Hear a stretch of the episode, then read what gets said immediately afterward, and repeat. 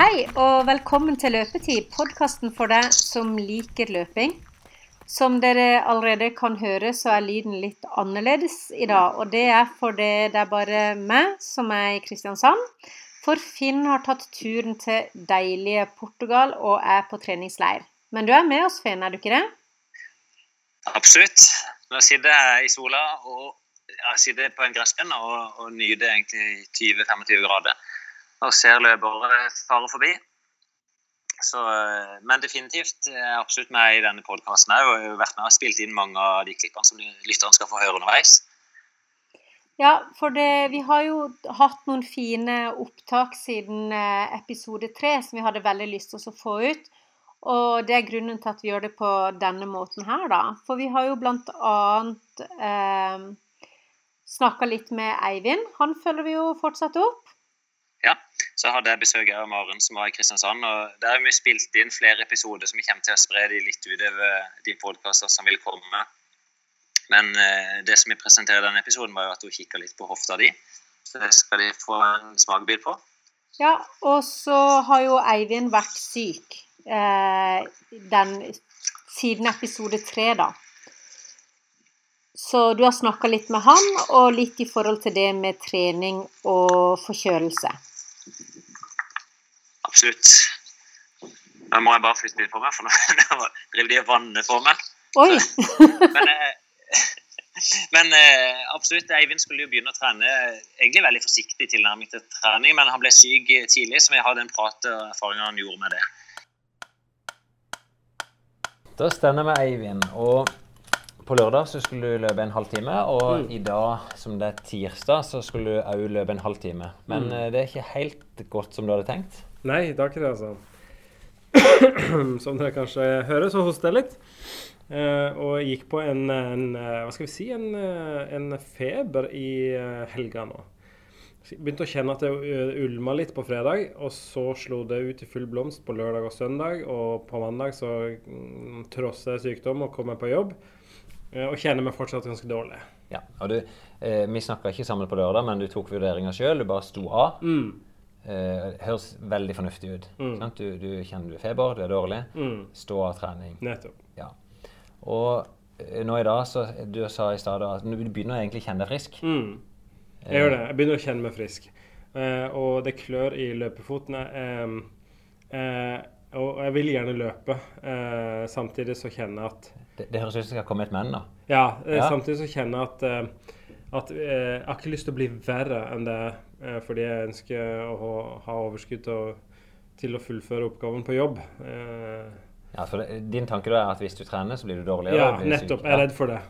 Det er ja. min frykt. Ja, Det er ikke nødvendigvis sånn det funker. for det eh, erfaringer ja, Nå skal du få lov å det. Mm. Men erfaringa mi er at ofte når en begynner å bli frisk, så kan du begynne med de første lette løpeturene. Mm. Så er det samtidig sånn da, Eivind, at det er ikke noe hastverk. som jeg sier. Nei Neida.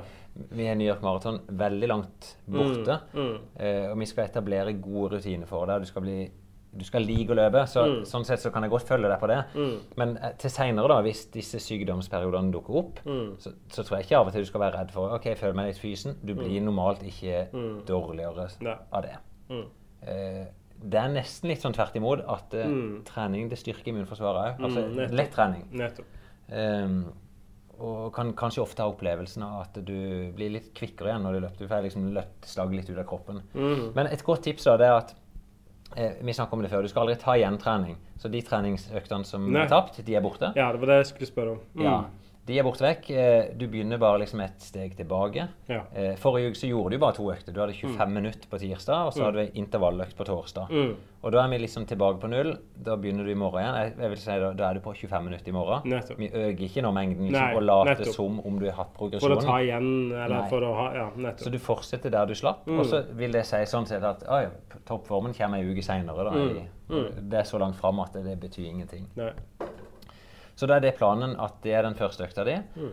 Og så eh, planen, Vi har jo snakka med Anna Margarita òg. Hun mm. skal være med på ei intervalløkt, så vi planlegger felles intervalløkt på lørdag. Ja, det, det, Da tror jeg nok jeg er frisk nok til det. Da, da er du frisk. Ja, absolutt. Det, det er det normale. Og um, da håper jeg at du kanskje, kanskje, kan ha gjort to økter. Det får vi snakke ja. litt om uh, i morgen. Mm.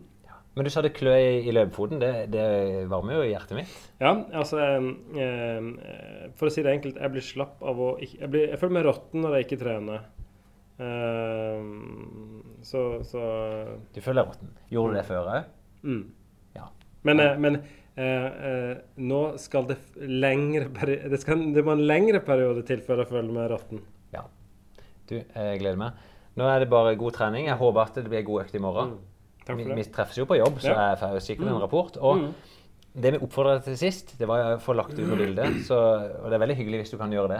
Og bare ta et bilde av deg sjøl. Og, og til og med når ikke du trener, bare fortelle disse Ja, lytterne. Se ja, her. ja, jeg burde Sånn. ta et bilde av meg i senga eh, Ja. med rumpa bar. Det hadde vi ikke tillatt. Altså.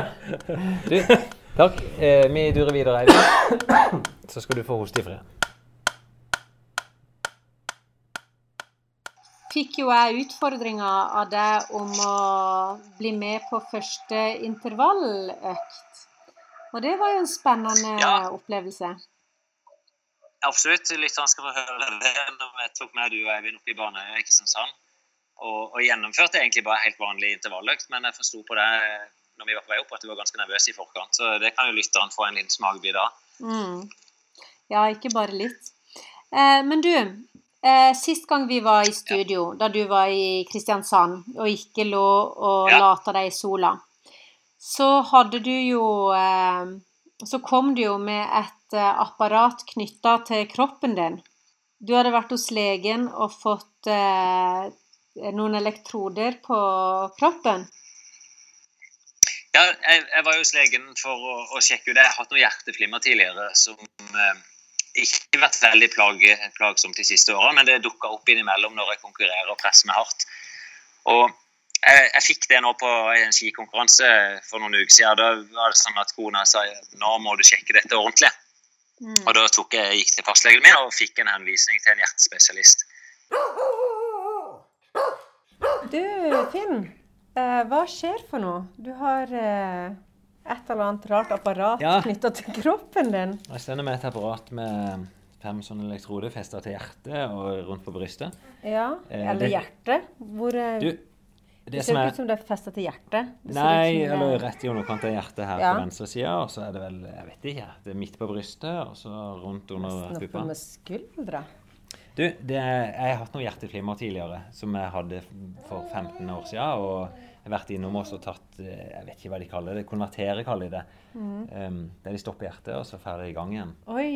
Uh, og Men det, det er en ganske sånn eh, Ikke ukjent for løpere eller folk som trener veldig mye. og Det er jo laget studie på dette at folk som går i Birkebeineren, de er ofte mer plaga med hjerteflimmer enn andre. Så for min del så dukker dette opp av og til, særlig når jeg presser meg veldig hardt. Og det er såpass irriterende så at det, nå var det på tide å ta affære. Så da gikk jeg til legen min, som for øvrig er en gammel langdistanseløper. Han heter Marius Bakken. Så han har jo selvfølgelig stor forståelse for dette. Og har sendt meg til en hjertespesialist, og nå skal jeg bare overvåkes i ett døgn. Det er egentlig Målet i dag det er at jeg skal få flimmer, og at de kan fange opp det på dette apparatet. Ja, men når du sier at det er irriterende For meg så høres det jo mer farlig ut enn irriterende. Eh, Ja. Er du bekymra? Er det noe som bekymrer deg? Nei, første gang du er ferdig, så Eller da blir jeg jo bekymra og lurer på hva dette er. Eh, For du kjenner jo at noe er galt, at hjertet driver og, og spretter og hopper og, og slår urytmisk. Men når du har vært og fått undersøkt, og de sier at dette er egentlig ikke så farlig eh, Det kan være farlig å gå med det over tid da, med hjerteflimmer, men det å bare ha det og så forsvinne det, det er nok ikke så farlig. Men Kan du beskrive litt av følelsen av hva som er hjerteflimmer? Ja, det, var, eh, det er jo mange forskjellige typer hjerteflimmer, men min er sånn at eh, det slår veldig urytmisk når det først blir feil. da. Så er det typisk at jeg presser meg hardt, og så kjenner at dette ble overraskende tungt. Hvis jeg da stopper opp, så kan jeg kjenne at det er veldig ujevn puls. Så det blir egentlig at hjertet fyrer på feil tidspunkt. Og for min del så ligger det kanskje på sånn 160 slag i minuttet. Og det kjennes, Jeg får litt sånn følelsen av å være nervøs. akkurat som Hvis du skal opp og holde en tale i et bryllup og du er litt utrygg, så kan du kjenne liksom at hjertet er litt oppi halsen. Det er litt den følelsen. Ja. Og, men det som er plagsomt for en løper, det er jo at uh, du presterer jo veldig dårlig. Uh, du klarer ikke å hente ut så veldig mye. Det kjennes bare ut som om det stopper litt opp. da, At du Ja. får ikke nok pust. Eh, og det har jeg lyst til å bli kvitt. Ja, men er det noe de kan? Altså nå skal vi si ok, du får til å vise at du har hjerteflimmer, og legen konstaterer at du har det, og hva, hva skjer da? Nei, jeg, vet jo ikke sånn. Jeg skal møte legen i morgen etter et døgn, og jeg, jeg håper jeg kan ta med meg denne podkasten og så spørre han litt. Eh, det jeg tror, da, som jeg har hørt fra andre, det er hvis de klarer å påvise det, så kan de gå inn og så operere det bort. Oi. Da tror jeg de går inn sånn som jeg har forstått det, og så svir de litt på hjertet på, på noen områder som fyrer litt for raskt. raskt. Så, og for de som har gjort det, så eh, tror jeg problemet er borte for alltid. alltid. Tror jeg. Det håper jeg. Ja, jeg syns jo dette her ble plutselig en veldig, veldig alvorlig podkast. Og det høres jo ut som et eller annet som du skal i hvert fall få sjekka opp. Du, det blir jo ja. spennende å følge og høre hvordan det går videre. Ja, jeg har jo hatt det i hvert fall 15 år, så, så det er jo ikke noe sånn som plager meg i hverdagen, men det plager meg akkurat når jeg skal prestere. Ja. Men det er jo sånn, jeg vil jo, for, for folk som opplever dette, så er jo første punkt alltid å gå til legen. Ja. Og så kan en da enten slå seg til ro med det etterpå, eller prøve å gjøre noe mer med det. Og akkurat nå så skal jeg prøve å gjøre noe mer med det. Eh, Men du sier da at du skal prøve å få hjerteflimmer. Er det noe du kan provosere fram sjøl, eller er det bare tilfeldig? Ja, det er hvis jeg, i hvert fall for min del så er det hvis jeg presser meg veldig hardt, og så rolig, og veldig hardt og rolig. Så det ene jeg skal delta på et terrengløp i dag, som er i veldig kupert terreng. Da pleier jeg ofte å få det, så jeg tenkte kanskje provosere det fram da. Og hvis ikke, så har jeg en stagemaskin hjemme der jeg skal dundre løs på noe, bare noen kjappe intervaller på 20-30 sekunder, ganger med 10, og da pleier jeg å få det. Ja, Hvis du viser det apparatet, da, så får du i hvert fall litt medlidenhet i løypa. Det skal jeg ikke gjøre. Det ser ut som jeg er utlagt tarm. og det... Eh, Ja, for du har jo, Det er ikke bare de elektrodene, men folk kan jo gå inn og så se bilder. Vi skal legge ut bilder både på Instagram og på nettsida, kanskje. Ja, det ser ut som en sånn gammeldags Walkman med fem elektroder som Ja. stikker rundt på kroppen. din. Du kan bare si at du hører på podkast på Walkmanen din. Ja. Og så møtte jeg hos hjertelegen dagen etterpå, der de undersøkte meg på eh, ja, De satte meg på en ergometersykkel og ba meg bare sykle til maks. Og så målte jeg hjerterytme, blodtrykk og ja, generell helsa mi da, mens jeg gjorde dette. Og da, heldigvis da, så var konklusjonen at ja, han oppdaget litt sånn uregelmessig hjerterytme når jeg hadde pusha meg litt, men ikke noe som han karakteriserte som noe å bry seg om. Eh, Han sa at dette er sånn typiske ekstraslag som dukker opp når adrenalinet fyrer på sitt beste.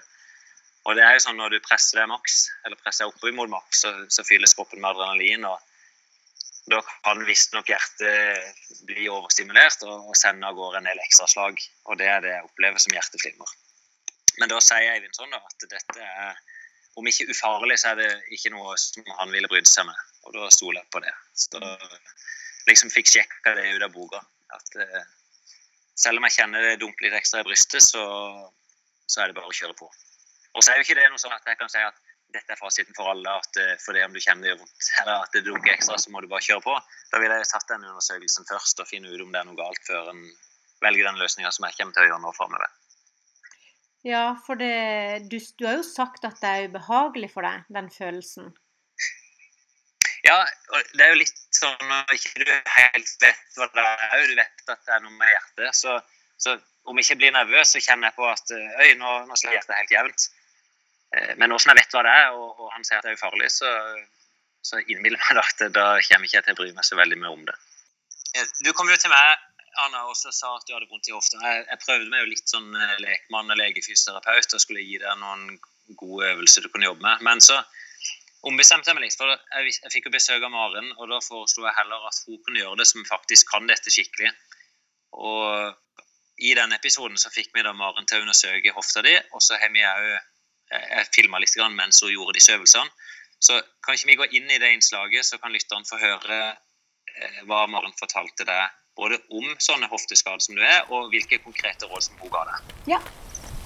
Du, da har vi fått Maren på Kristiansand, så det er veldig hyggelig. Du kom med tog i dag, og så har du med deg en følgesvenn. Ja, han er alltid med. Ja, og han heter Mikkel. Ja. Og han er fem måneder. Og hvis du ikke hører noe surring i bakgrunnen, så er det Mikkel nå som leker litt med Anna. Vi satser på at det skal gå greit. Eh, og det er sånn, Vi skal prøve å gå gjennom skade. Nå skal vi være litt nøyere. Vi skal ikke ta det så overfladisk som vi gjorde i program 1.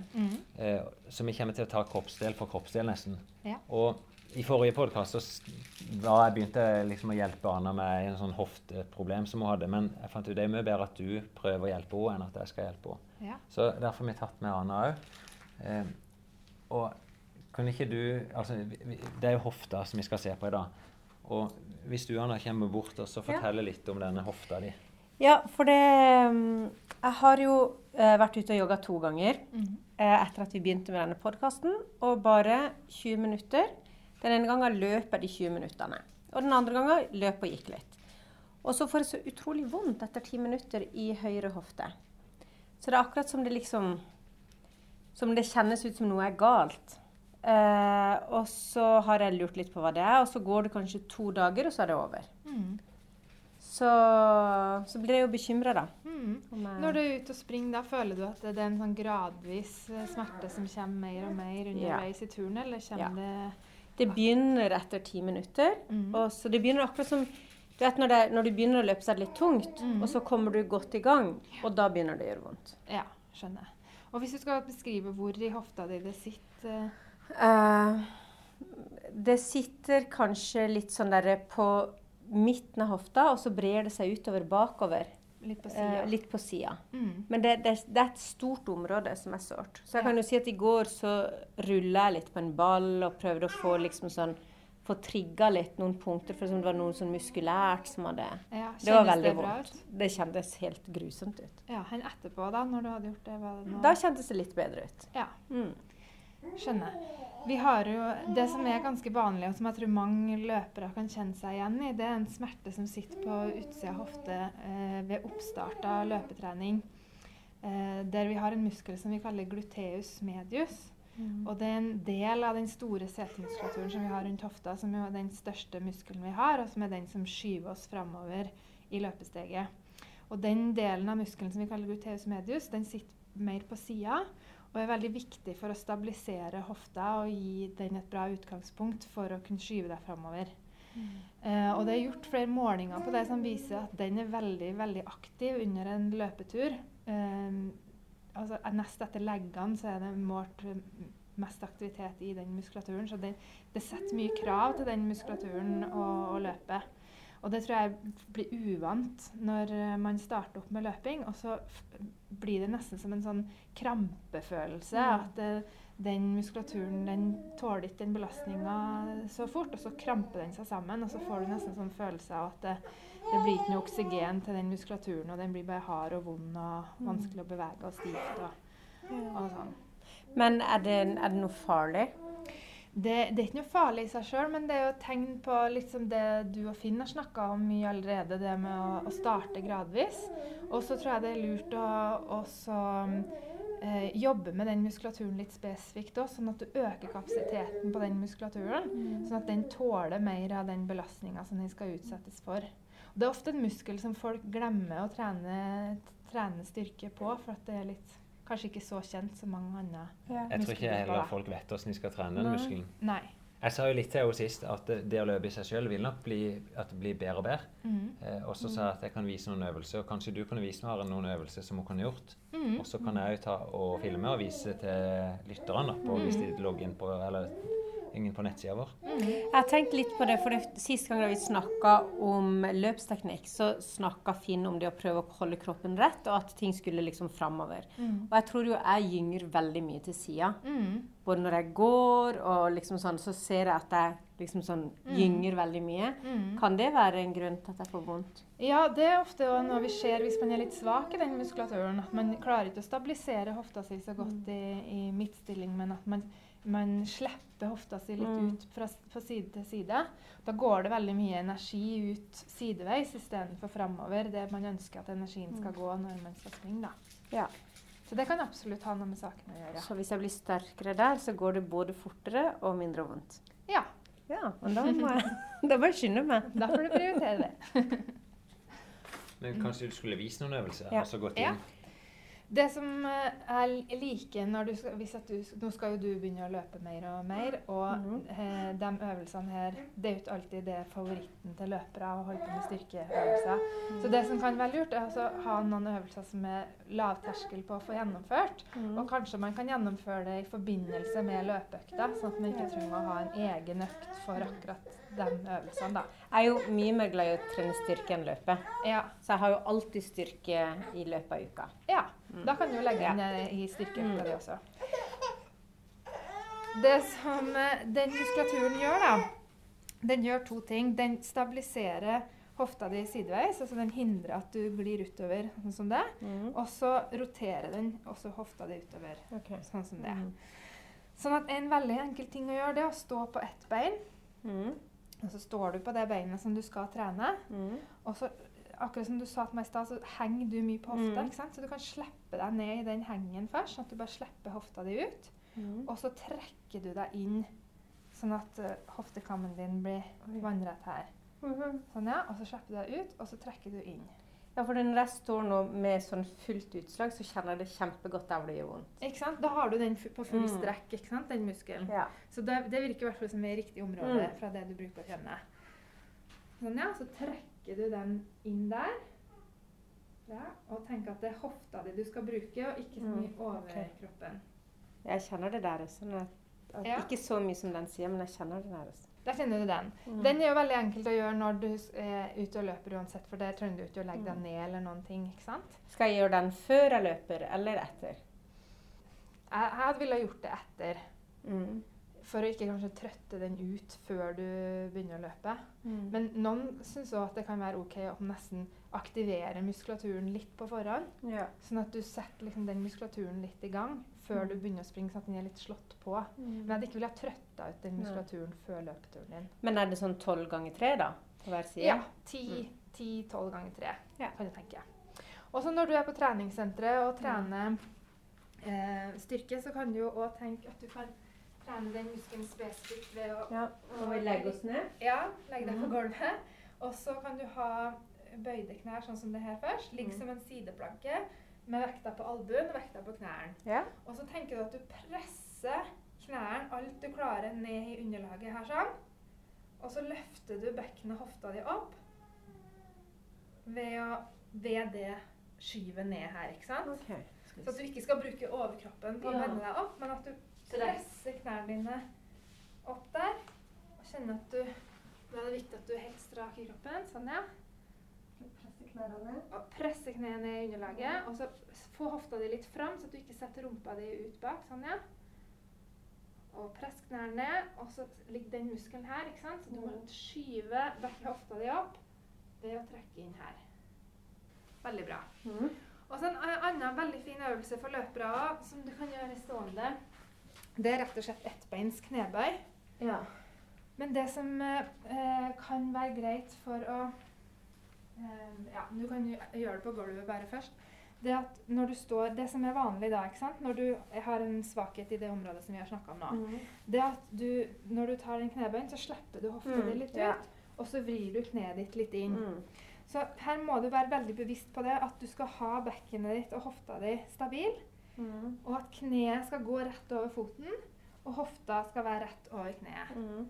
Så det er det viktigste. Støtter du med foten bak, eller? Du kan gjøre det i starten hvis du syns det er vanskelig. For jeg har tatt sånn pistol Ja, med, med å holde meg i noe. ja. Men jeg merker at det er, hofta mi går veldig til sida Ja. når jeg gjør det. Og da tenker jeg det er ikke så viktig hvor langt ned du går nå. Okay. Det viktigste er at du klarer å holde den linja Mm. korrekt. Ja, og og. Og da skjer det med en gang at du, du vil vri deg Ja. litt der. ikke sant? Så hold hofta din. Tenk på den første øvelsen vi gjorde Mm. der du trakk inn. ikke sant? Mm. Gjør den først, og så hold deg der. Og bare gå noen grader ned. Ja. Og ned. Og så vekta di bak på hælen, og rumpa di ut bak. Sånn, ja. Bra. Og jeg skal vise deg en måte som du kan gjøre det på ved hjelp av en vegg òg, som jeg ofte syns eh, kan være til hjelp for å Mm. kjenne den muskelen enda bedre. Det du gjør da, da står du på samme måte på ett bein, og så presser du det motsatte beinet inn mot veggen. Sånn. Og når jeg presser her, så kjenner jeg allerede at jeg begynner å aktivere på den sida der. Og så holder du det presset der mens du går ned der og opp. Men motsatt. Du står på det ytterste beinet. Ja. Sånn, ja, selvfølgelig. Og så har du det sånn, ja. Sånn. Og så før du starter nå, prøv å være så rett som mulig helt fra skulderen og ned. Sånn, ja. Og så gir du et press inn mot veggen. Vekta di på det beinet du står på. Og opp. Bra. Rumpa ut bak. Bra. Og kneet enda litt mer Det kneet der skal være i kontakt med veggen hele tida, og det skal være ut. Bra. Der har du den muskelen.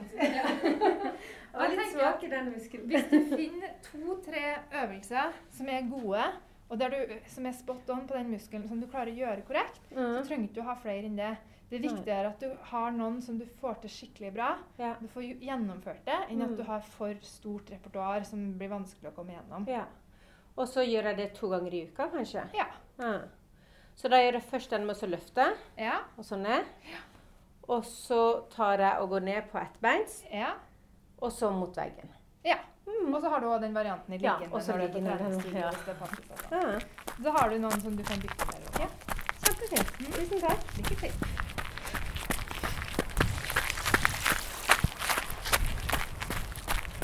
Så det, Anna, Du fikk noen gode råd av Maren, og, og hun reiste jo fra oss på, på lørdag. Er det sånn at du allerede begynte å gjøre disse øvelsene? Ja, jeg ble jo veldig gira. Eh, den dagen jeg fikk eh, øvelsene, så gjorde jeg de da jeg kom hjem. Og så har jeg egentlig Ja. gjort de hver dag, så jeg er ganske sliten i hofta. Men, men eh, jeg kan ikke huske at Maren ga deg råd om å gjøre dette hver dag. Jeg syns hun snakka om å gjøre dette tre ganger i uka. Ja, det, men jeg måtte liksom bare prøve Jeg må prøve litt, da.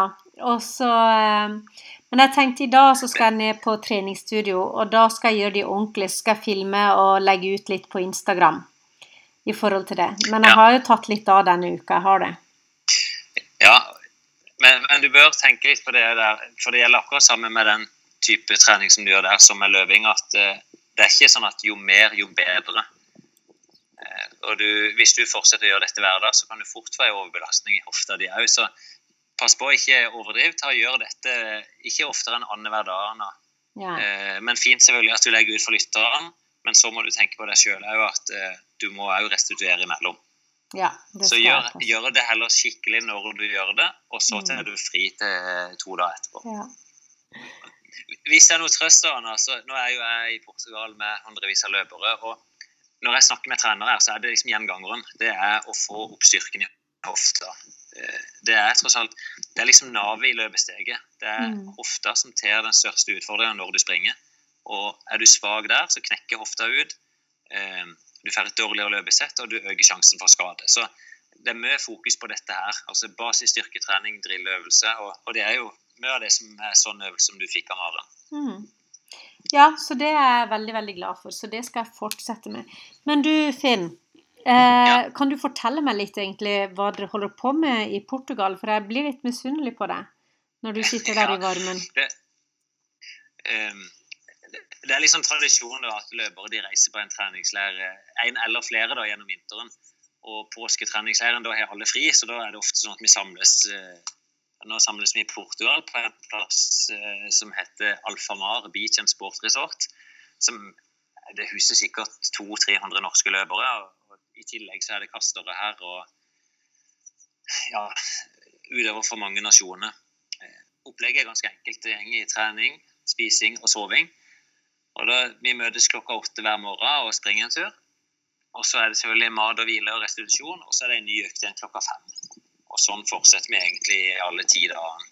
Og da kommer utøverne forhåpentligvis litt bedre trent hjem, men òg de har fått masse inspirasjoner fra både andre trenere og andre klubber. For vi prøver jo å gjøre det sånn at de kan trene sammen. Mm. Ingenting sosialt? Og, eh, jo, jo, masse sosialt. Men eh, det er klart, disse løpeturene det er egentlig sosiale økter, det òg. For da, eksempel i dag så springer vi løpere fra kanskje fire-fem klubber som springer en ti kilometer rolig tur sammen. Eh, Etter økta så er vi til frokost sammen og snakker om trening. Eh, vi er nede på ei sånn terrengløype og, og, og ser på to av utøverne våre, to av Norges beste mellomdistanseløpere, som gjennomfører ei sånn drill, drill- og styrkeøkt. Mm. Eh, Og da stender vi òg utøvere fra flere klubber. Eh, Nå er de oppe med bassenget, og så møtes vi til ny fellesøkt klokka fem. Og da avtaler de òg hvem fra andre klubber som blir med på den økta. Og akkurat i dag da, så er det jeg tror vi er seks-syv utøvere, der de fleste er fra forskjellige klubber, som skal ha en sånn progressiv løpetur på mellom 10 og 15 km. Og progressivt vil si at da starter de moderat, og for disse gutta så er det kanskje 3,40-3,30 på kilometeren og så øker de jevnt og trutt farta. Og de som er en typisk 800 meter-løper, de springer kanskje en halvtime. Og de som er 5 og 10 000 løpere, de springer 40-45 minutter. Og på den måten så kan de trene sammen. Men det er jo hardt. altså Jeg er jo trener her nede, men jeg prøver samtidig å delta på en del av løpeøktene. Folk blir jo slitne. De legger seg tidlig om kvelden. Eh, ikke nødvendigvis fordi de syns det er veldig gøy, men fordi de er så slitne og trenger restitusjon til neste dag. Ja. Men får du noe utbytte av å være med på en sånn en, uh, treningsleir?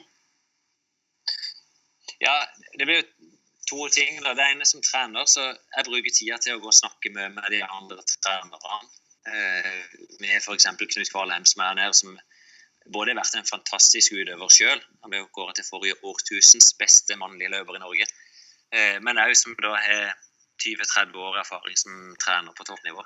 Så jeg, jeg sitter med, snakker med han på kveldene, følger de på treningsfeltet og gjør det med flere trenere. Og så trener jeg jo selvfølgelig sjøl. Jeg er jo med på de fleste turene når de er ute og springer. Mm. Eh, så har du jo med deg lydopptaker. Og sa du at jeg er med meg litt. Du har med deg lydopptakeren, så kanskje vi får eh, blitt kjent med noen av de som er der nede? Ja, jeg tenkte det. Så jeg har ikke begynt å spille inn noe ennå, men jeg, jeg tenkte også å snakke litt med noen av de og introdusere dere for noen løpere og noen trenere og høre litt uh, tankeideer om trening. Det, jeg syns jo sjøl dette er veldig interessant. Å å sitte og kanskje ta en øl på kvelden og, og, bare prate om trening og hva som opptar de forskjellige. Det, jeg tror mange som er interessert i løping, kan misunne akkurat det. Mm. Og så har jeg jo med meg familien her nede òg, så, så, det blir litt sånn i pose i sekk. En får tatt en familietur og får trent, og så får en stimulert seg som trener. Så fint. Ja. Jeg er foreløpig mer misunnelig på sola enn på løpinga. Men det kommer vel det med løpinga også etter hvert. Ja, og det er vel ikke til å stikke under sola at sola er jo noe av grunnen til at vi velger akkurat Portugal. For det er jo god sjanse for sol og varme på den tida. Så de neste ti dagene så er de meldt mellom 20 og 26 grader og bare sol. Å, helt perfekt. Eh, men Finn, før du satt nesa mot Portugal, så hadde vi jo ja. en spennende tur oppe i skogen her i Kristiansand, hvor eh, både Eivind og meg skulle løpe intervall, som var min nye utfordring, ja. Og en del av Eivinds treningsopplegg. Det var det. Eh, folk som ikke løpte intervall før, de, de, kan jo synes det er skummelt. Og det fikk vi definitivt bekrefta når eh, jeg snakka med deg på forhånd. For du var jo rett og slett nervøs før du skulle møte oss der oppe. Mm. Og for oss er jo dette litt sånn melk og brød. Vi, vi springer intervalløkter kanskje tre-fire-fem ganger i uka. Eh, men det er jo derfor jeg syns det var litt ålreit å ta med deg Øyvind opp og ufarliggjøre det litt. Og, og forenkle, altså vise hvor enkelt du kan gjøre det. Og vi kan jo ta med lytterne opp og høre hvordan dette gikk.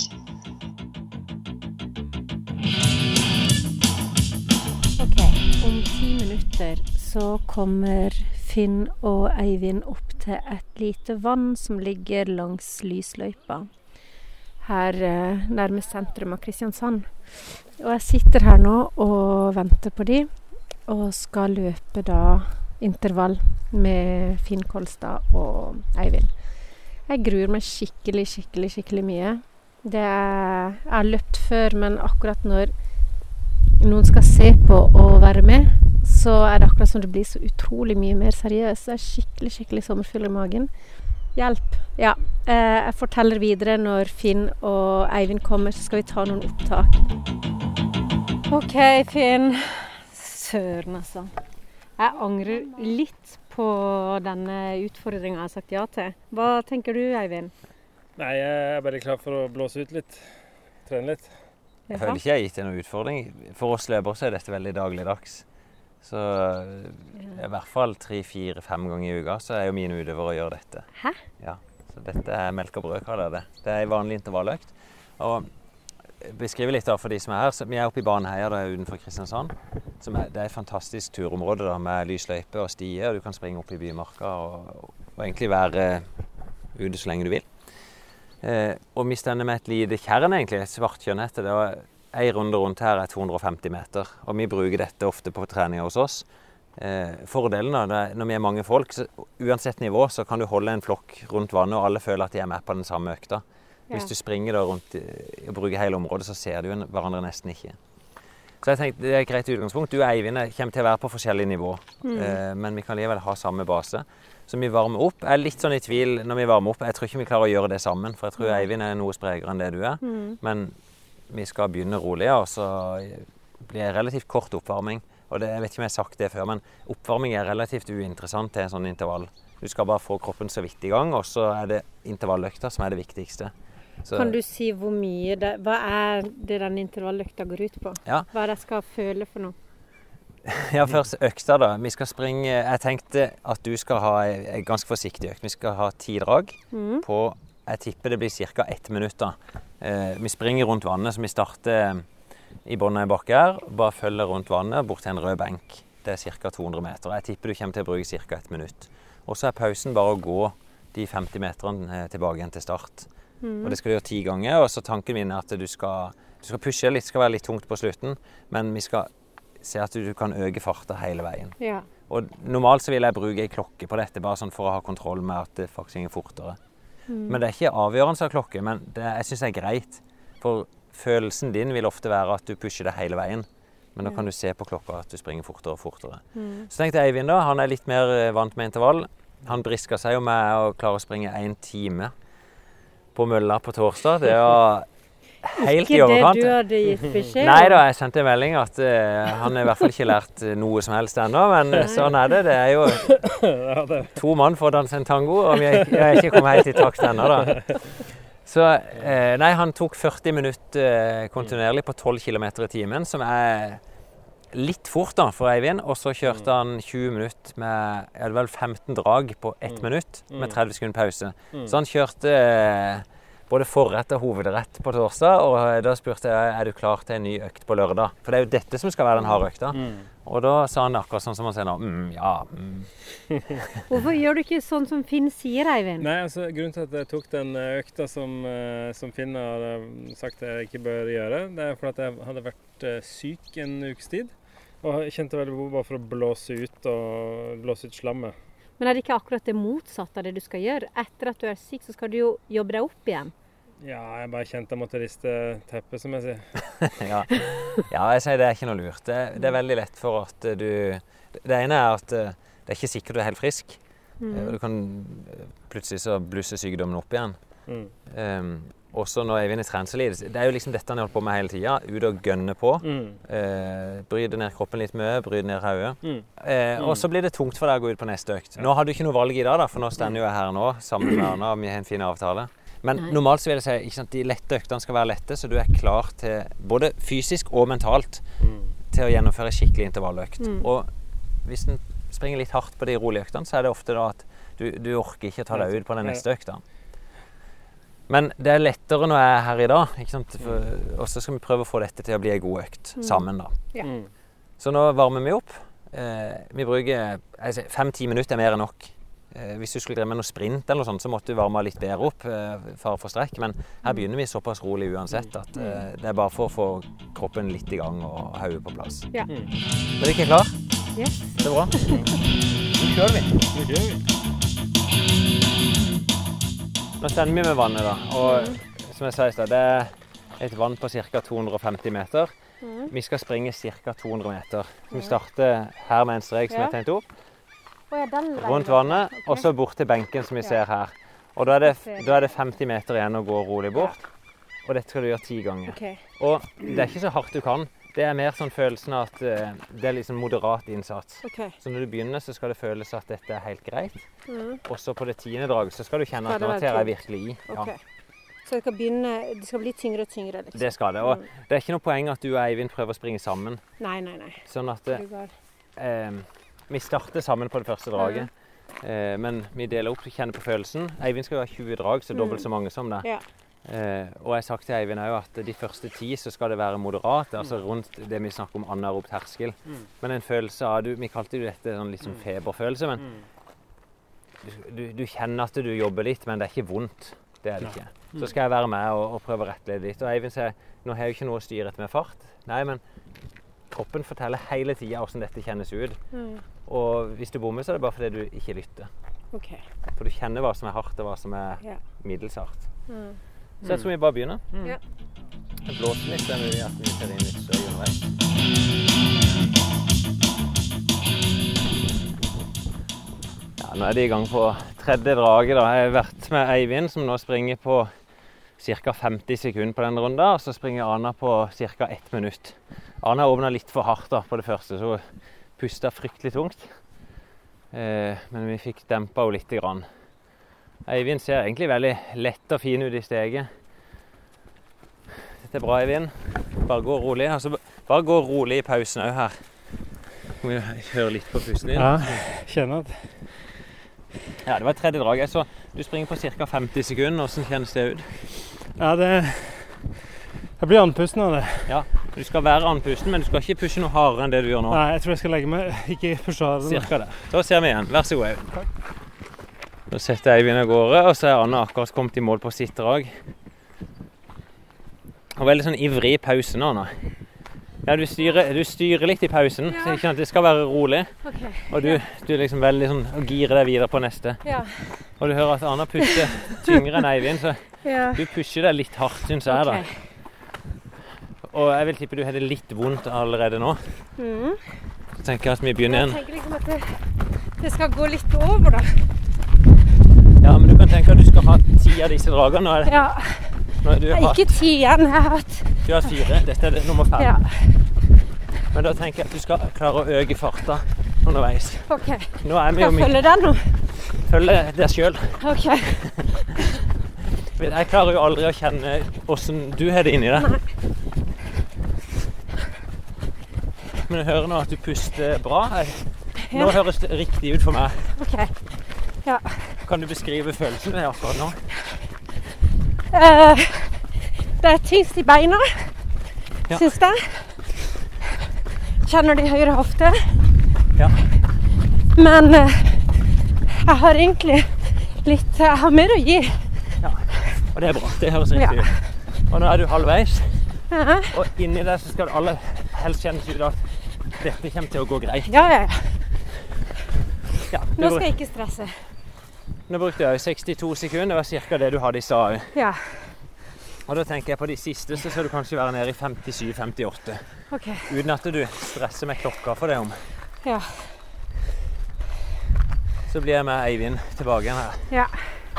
Veldig bra. Ja, de springer jo hver for seg, så Eivind følger si fart. Jeg så på han òg hadde 50 sekunder, eller 51 sekunder på det forrige draget. og Han er på vei inn igjen nå. Da vet jeg ikke hvor mye han har løpt på, men ser egentlig, du ser sprek ut, Eivind. Det ser liksom god kontroll. Det var seks drag. Yes. Første serien er ti. Ja. Hører at du puster. Du skal ikke noe hardere enn dette. Nei, må passe på å ikke gå over. Pushe må ha det. Ja, skal vi ta tida? Skal jeg springe en sammen med deg? Det blir vel sånn ca. 20-25 sekunder pause, tenker jeg, på et sånt drag nå. Ja, noe sånt tenker jeg. Og jeg tipper hvis jeg sånn kjenner på feelingen, så springer vi kanskje 14 km i timen og sånt. Ja.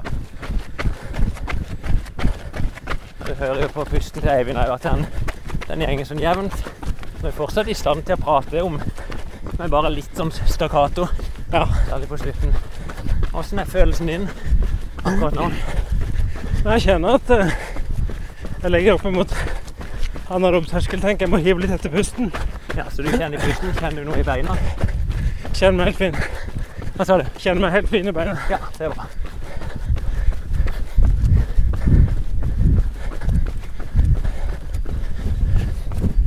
Ja, nå var du på 48-49 sekunder. Ja. Du skal ikke noe fortere. Jeg vil sagt det er fornuftig å ligge rundt 50 for deg. Sånn det ser ut. Jeg har 15 drag. Du skal ha 20, tenker Ja. jeg. ja. Dette går så greit. Dette var nummer åtte, var det ikke? Jo. Lykke til. Takk, takk. Ja, da er Eivind ute på sitt åttende drag. Ana er vel på sitt syvende. Og nå ser det ut som begge to har funnet en sånn grei Jeg vil ikke kalle det komfortfart, men ei kontrollfart da, der begge ser at dette vil gå greit. Begge var litt ivrige ut i starten. Og det jeg sa til Arne òg, var at i pausen så styrte hun veldig. Hun kom liksom tung og i mål, og så kaver hun liksom litt i pausen for å komme tilbake til start igjen. Men da er det bare å roe seg ned. Tanken er å få opp pulsen og jobbe litt. Og når du gjør det på den måten som vi gjør det nå, med litt sånn starte moderat og øke, gjøre det harde mot slutten, så blir det relativt positivt i hodet, dette.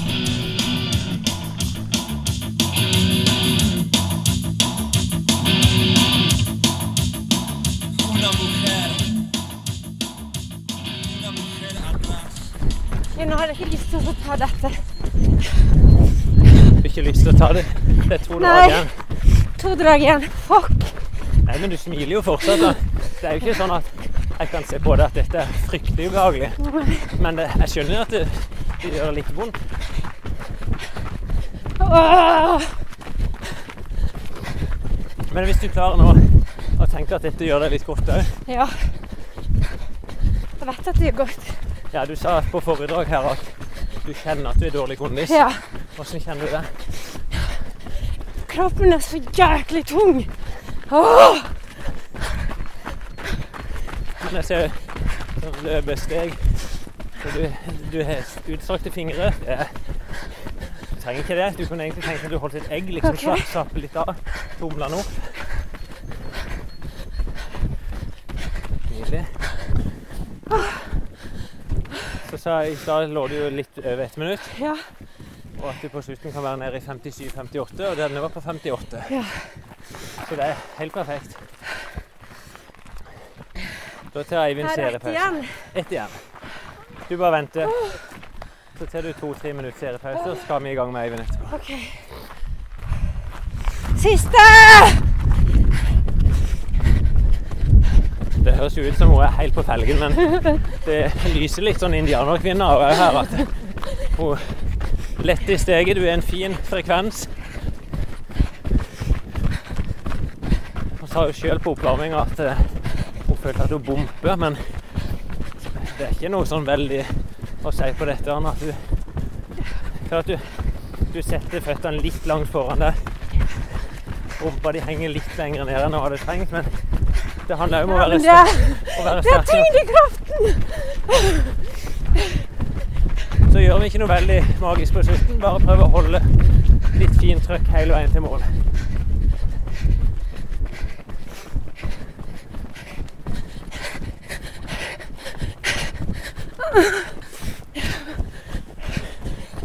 Femtisju sekunder.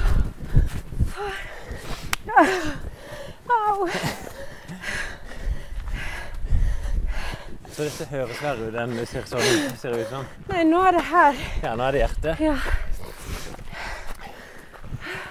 Men det skal jo være tungt. Jeg sa det skal være en moderat til hardøkt. Vi skal beskrive følelsen din akkurat nå. Jeg kjenner det liksom i brystet og i armen og i magen.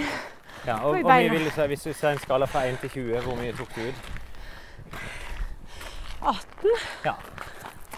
Det høres veldig riktig ut. Ja. Det er tungt, du jobber hardt. Dette gir deg god kondisjon. ja. Og så er det jo ei økt som vi brukte. Nå hadde du ti drag på ett minutt. Altså du løpte i ti minutter. Det er jo ikke så mye. Nei, men det gir deg faktisk en god boost på kondisjonen. Ja. Og nå føler jeg meg bra igjen. Det er jo kjempegodt. Altså, 40 sekunder etter du kom i mål, så føles det bra. Ja, så nå kunne jeg løpt en til. Ja. Men det skal du ikke. Nei. Jeg synes dette er nok. Du pusher Ja. deg nok. Du, du kjenner det muskulært i Mm. beina. Nå er jo Eivind her, han har hatt ti. Ja. Eh, hvis du forteller etter de første ti, hvordan kjentes det ut, Eivind? Eh, altså jeg kjenner jo at jeg må Jeg ligger på anarob terskel og Ja, hvordan kjennes det ut? tungpust, da. Ja, jeg, du sa du kjenner lett i beina. Mm. Du puster sånn, Det er litt vanskelig å snakke med meg, det ser jeg. Ja, riktig. Men det ser for meg ut som du henter deg fint inn igjen, og hvert drag du starter, så er det liksom en ny Ja, frisk. Ja, Og du ser du optimistisk på de siste ti. ja jeg gjør det. Jeg, Ja. kje- eh, jeg skal ikke skylde på den tidligere forkjølelsen, men jeg kjenner litt sånn tung i, i kassa. Ja. Men lett, eh, lett i beina, altså. Det er bra. Mm, Og det, det er tydelig. Eivind har vært borti intervalltrening før. Ja. Um, de siste ti så skal vi justere nivået litt opp. Mm. Du lå på sånn 50-51 sekunder. Og så ser jeg for meg at du kanskje mot slutten så skal vi ha det helt ned i 45.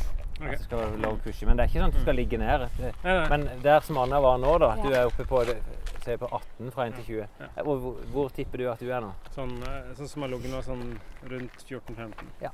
15. Ofte vil jeg se når du ser på en sånn skala 15-16 rundt anarob terskel. Ja. Da skal Anna få lov å overta Da skal jeg ta innspillinga. Ja. OK. Da er guttene i farta. De løper utrolig fort. Ja, det sa til Eivind at første draget på denne serien begynner han på ca. der han avslutta den forrige. Ja. Rundt 50 sekunder. Det, det blir jo på følelsen, men han traff akkurat. Med litt god hjelp. Ofte kan det kjennes litt tungt ut å begynne på neste serie. Ja. Må ha en to-tre drag, og så begynner å kjennes Åssen var det tungt? Ja, det var Ok, det var andre drag i gang. Ok, nå kommer de på sitt tredje drag.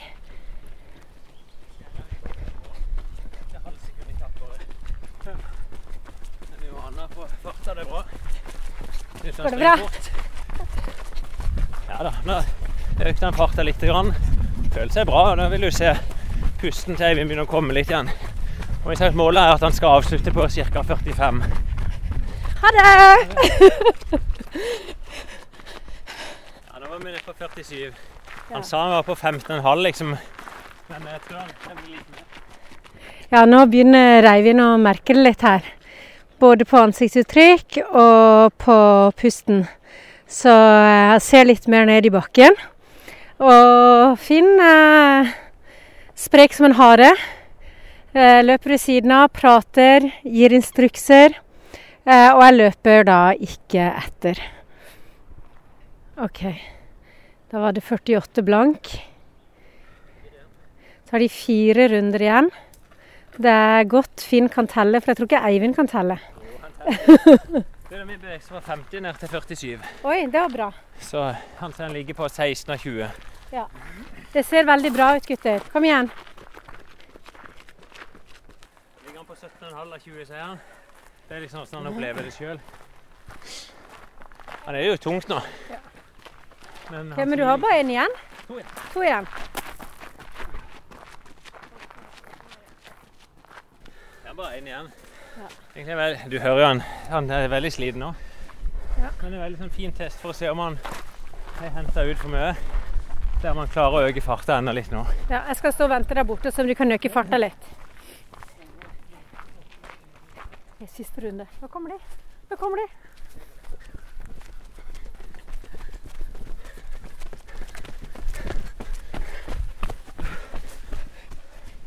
Beklager. Ja.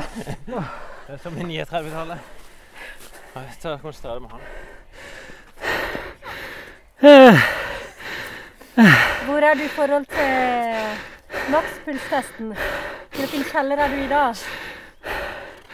Jeg er nok i gangen i Fritz sitt Fritz hjem. Første etasje. Og det er ille nok. Ja, Du går ikke ned i kjelleren en gang til? Jeg ser kjellerdøra.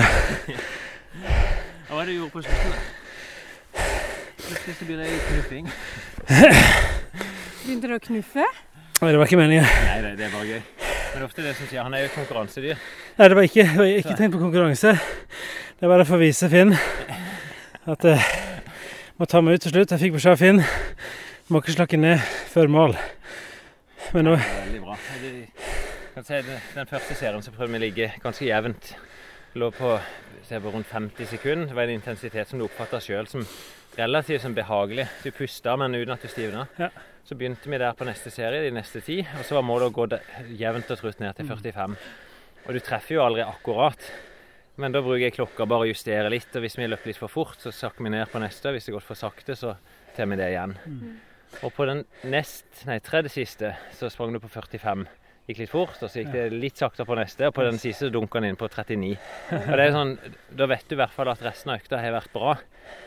Og så er det ikke sånn at du må hente ut alt. Nei. Nå gjorde du det i dag, for det er litt gøy. Ja, ja, Men det er greit. Mm. Eh, Men det viser at eh, han hadde kreft igjen. Og når du starta på den siste, så var du sliten. Da Ja, sa du ja, liksom 18 av ja, ja, 20 at du er og jobber der. Riktig. Men da er du Du får trent hjertet vanvittig bra. Du får nesten 20 minutter med løping i veldig høy fart. Ja. Det hjelper jo veldig at Finn løper ved siden av meg, det må sies. Ja, du Det er lettere, men- Det det sa til Eivind, at det er ikke, en trenger jo ikke noe utstyr for å gjennomføre sånt økt, men det er bare å ha ei stoppeklokke for å se at du springer fortere. Ja. Det kan være mentalt litt lettere, i hvert fall hvis du er alene. Ja. For følelsen stemmer ikke alltid med hvor fort du faktisk springer. Sånn som når jeg så at du sprang på 45, så vet jeg at det, det vil koste deg litt ekstra på det neste draget. Men du hadde ikke merka det uten at jeg tok eh, klokka på deg. Men alt i alt, da, hva syns du ikke sjøl? Nei, nå er jeg helt uh, fin. Ja, så du, ikke sant, det du har gjort nå, er du løpt Vi varmer opp kanskje i seks-åtte minutter, og så løper du ti ganger ett minutt. Mm. Uh, og presser det hardt. ikke sant, Du Ja. opplever det, men, men jevnt hardere og hardere. Så var først tungt på slutten. Og så Eivind gjorde jo det samme, men han plussa på ti drag til. Og sprang, du sprang jo ca. 50 sekunder. Mm. Ikke helt sikkert. ja. Helt perfekt økt. Ja. Det er ikke noe mer hokus pokus. Og en måte å- hvis når en blir bedre trent, er jo bare å øke antallet. Eller det vi gjør av og til, at eh, vi kan springe kanskje 20-25 minutter kontinuerlig først, og så avslutter vi med denne farta. OK. Ja. Men jeg kjenner det i beina. Det Ja, Det er litt forskjell på dere der. Eivind sa underveis at det er primært pusten, og du er nok sterkere i beina og Ja, jeg kjenner litt faktisk bedre ingenting, trent. ingenting i beina nå. Men, mens du har ikke løpt så mye. Så, og det er ofte sånn det er. Du trenger litt tid for å vende beina til det. Og du vil nok kunne ha mer effekt av å ha litt styrketrening i tillegg. Og, Ja. og vil få raskere framgang da på løpinga di med å legge på styrketrening. Mens jeg tror Eivind ikke er der. Nei, jeg kjenner ingenting i beina i dag. Jeg er veldig, så, det er også tipset ditt Finn å løpe kupert. Jeg løp jo lysløp og ble vel kupert, Ja. men, men dette er veldig fint. Ja, dette er ganske flatt. Det er Ja. sånn helt småkupert. Ja. Ja, du, blir, du blir ikke den nette som Litt sånn mental, altså Det kan være bra å springe på mølla, men det å komme seg ut, så gir det en litt annen opplevelse å se endene og froskene som spretter rundt Mm. Ja, her. ja. ja. Og du møter folk, og jeg blir litt mer motivert Ja. av det. Føles litt bedre nå etterpå. Ja. Ja. Og det er jo deilig også når det er fint vær og begynner å se våren. Ja, det er det. Ja, det det er en perfekt tid å begynne å trene på. Mm. Ja, Så deilig. jeg tror vi kan være fornøyd. Ja. Bra, Veldig bra. Tusen takk Bra. Takk for at jeg fikk lov til å være med. Det er jo mulig å skrive til oss på eh, Facebook-sida eh, til løpetid. Og eh, stille oss spørsmål. Alt som har med løping å gjøre. Og så har vi jo fått eh, lyttere som allerede har skrevet til oss og kommet med kommentarer til programmene, og også som har spørsmål. Og vi fikk jo et veldig interessant spørsmål angående sommerløpet, som du kanskje kan svare på, Finn. Ja, det var ikke bare sommerløpet. Ei som heter Anne Kjos Beim, som sier at hun meldte meldt på hos sjøl og dattera til sommerløpet. Og til og med fordi de var inspirert av podkasten, så det var hyggelig, Anne. Takk for det. Eh, først så lurer hun på den løypa i traseen, om den er klar. Hun håper det, og skriver at dette er hennes femte maraton. Eh, vi har ikke lagt ut noe høydeprofilkart, men det kommer vi jo til å gjøre. Og for de som har løpt sommerløpet, de vet det er en trasé på 10 km med en ganske hard motbakke midt i løypa. På maratontraseen så har vi droppa den bakken. Eh, Det blir litt drøyt å skulle forsere en sånn der 300 meter lang motbakke på hver runde. Så nå springer de ei nesten helt flat trasé, 8 km ganger 5. Jeg tipper totalt så kan det være snakk om 40-50 høydemeter, så jeg anser den traseen som ganske lett. Men egentlig det hun lurte på, da, for det var mer en sånn kommentar eh, Hun spør hvor lang pause bør man ha mellom løpene. For hun er påmeldt i halvmaraton i Oslo 16.9., altså ca. en måned etter sommerløpet. Samt helmaraton i Italia 15.10. Er det risikosport med såpass tid mellom hvert løp, eller er det OK? Eh, og så henviser hun til i fjor løp vi maraton i Paris i april og New York i november. Og Da var det lang tid mellom. Normalen, altså jeg ville sagt det er fornuftig å springe ett til to maraton i året. For maraton er ekstremsport. Det er en vanvittig muskulær belastning da, å springe et maraton. Så, så det hun gjorde i fjor, var fornuftig. Så kan du si, er det fornuftig da, å kjøre en maraton, så en halv maraton og så en ny maraton med bare én måned mellom hver? Eh, så vil jeg si ja, det kommer sannsynligvis til å gå, men en bør være litt sånn ekstra påpasselig hva en gjør da mellom disse løpene. Og et godt råd da etter et maraton det er bare å ta ei uke helt løpefri, sånn at du ikke belaster beina i det hele tatt. Og det, det høres lett ut for mange som ikke driver med løping, men for de som er inne i trening, så kan det være litt vanskelig å, å ta fri en hel uke. Men det er i hvert fall det jeg vil anbefale til, til Anne og dattera. Jeg vet ikke om dattera skulle gjøre alle de samme løpene, men at eh, de tar ei uke fri, og så bruker jeg ei uke med lett opptrening, få beina i gang. Da er det to uker til neste løp. Da kan hun få lagt inn litt god trening ei uke, og så må hun trappe ned litt mot løpet. Ja. Så jeg tror, jeg tror dette vil gå helt greit, men, men det er ikke det jeg vil anbefale til folk, å legge inn tre sånne ekstremløp på tre måneder. Nei, for det er jo Kroppen må jo kjenne det. At eh, det blir mye løping, og veldig lange løp. Uh... Ja, og det er to aspekter med det. For det ene er det muskulære. For det, det er det som trenger restitusjon, som gjør at ikke du er klar til å springe igjen så fort. Du kan lett bli skada hvis det kommer for ofte. Men det andre er det mentale. Veldig mange som springer maraton eller lange løp, de merker at de blir lei av løping etterpå. Det kan faktisk være en utfordring at når hun har løpt et maraton, så er det, er det vanskelig mentalt å motivere seg for det neste så, med så kort tid imellom. Mm. Men det hun kan være helt, helt sikker på, det er at når hun kommer til Kristiansand og til sommerløpet, så skal vi ta veldig, veldig godt imot henne. Ikke sant? Ikke bare hun, vi skal ta imot alle sammen. Så eh, der kan jeg love en fest, da. Mm. Så det blir veldig fint. Så tusen takk for spørsmålet. Og tusen takk for at uh, du kommer til Kristiansand 19.8. Da har vi uh, en episode når du kommer tilbake igjen og gleder oss til med mange fine opptak fra Portugal. Ja, jeg har ikke spilt inn noe ennå, men eh, jeg skal i hvert fall ta med den lydopptakeren og, og snakke litt med folk. Mm. Og så har vi jo vi har jo spilt inn flere skadeopptak med Maren. Mm. Og så er det kommet eh, nytt magasin av Runners World, så vi skal prøve å få huka tak i de og gått gjennom noen av de artiklene som er der. Jeg syns i hvert fall det var et veldig bra blad, nei, blad denne omgangen her. Mm. Og så håper jeg at vi skal få ta turen innom broren til Eivind, han som heter Erlend Haugstad, som er lege. Snakke litt med han. Ja. Og kanskje snike oss ned om løpelabben og få en første prat med noen av ekspertene der nede. Mm. Og de har jo mange ting som er interessant å høre fra ham. Mm. Men du Finn, jeg kan jo ikke bare sitte her og vente på at du kommer hjem til Kristiansand. Hva skal jeg gjøre denne uka? Nei, det, jeg vil ikke anbefale det. det. det, som har vært, nå, nå, var jo jeg med deg på en intervalløkt eh, som du grua deg litt til, og, og, du sa at det var veldig nyttig at jeg var med deg der oppe. Men jeg kommer ikke til å følge med deg på alle intervalløktene framover. Jeg har lyst til å utfordre deg på at du skal gå opp i banen her og så gjennomføre en ny økt. Altså gjennomføre intervalløkt helt alene. Mm. Eh, og så prøve å hente fram litt av den samme gode opplevelsen som du hadde sammen med meg, for å si det litt dumt. Ja. Eller med Eivind. Og så, Du skal ikke bare ha ei økt i uka, så fortsett med å, å, prøve å komme deg ut. Um, og da, Det handler fortsatt om mer av det samme. Lette løpeturer der du klarer å nyte både løpinga og naturen. Ja. Så er jeg fornøyd. Kjempefint. Men da skal jeg ta en sånn en på 20 minutter, kanskje, og så pluss en intervalløkt denne uka. Ja, det er bra. Og da, jeg syns jo du beveger deg veldig sånn stille og forsiktig opp. Og da i motsetning til Eivind, som bare gønna på og kjørte en time når han hadde vært syk. Det ønsker vi ikke at du skal ta helt av. Nei, og det kommer jeg ikke til å gjøre. Men da, Finn, da syns jeg du skal kose deg videre i Portugal. Nyte treninga og det sosiale og sola. Så ses vi og høres vi når du er tilbake igjen i Kristiansand. Ja, du ses. Jeg gleder meg til både det jeg skal gjennom, og til å komme hjem, selvfølgelig. Ja, kjempefint.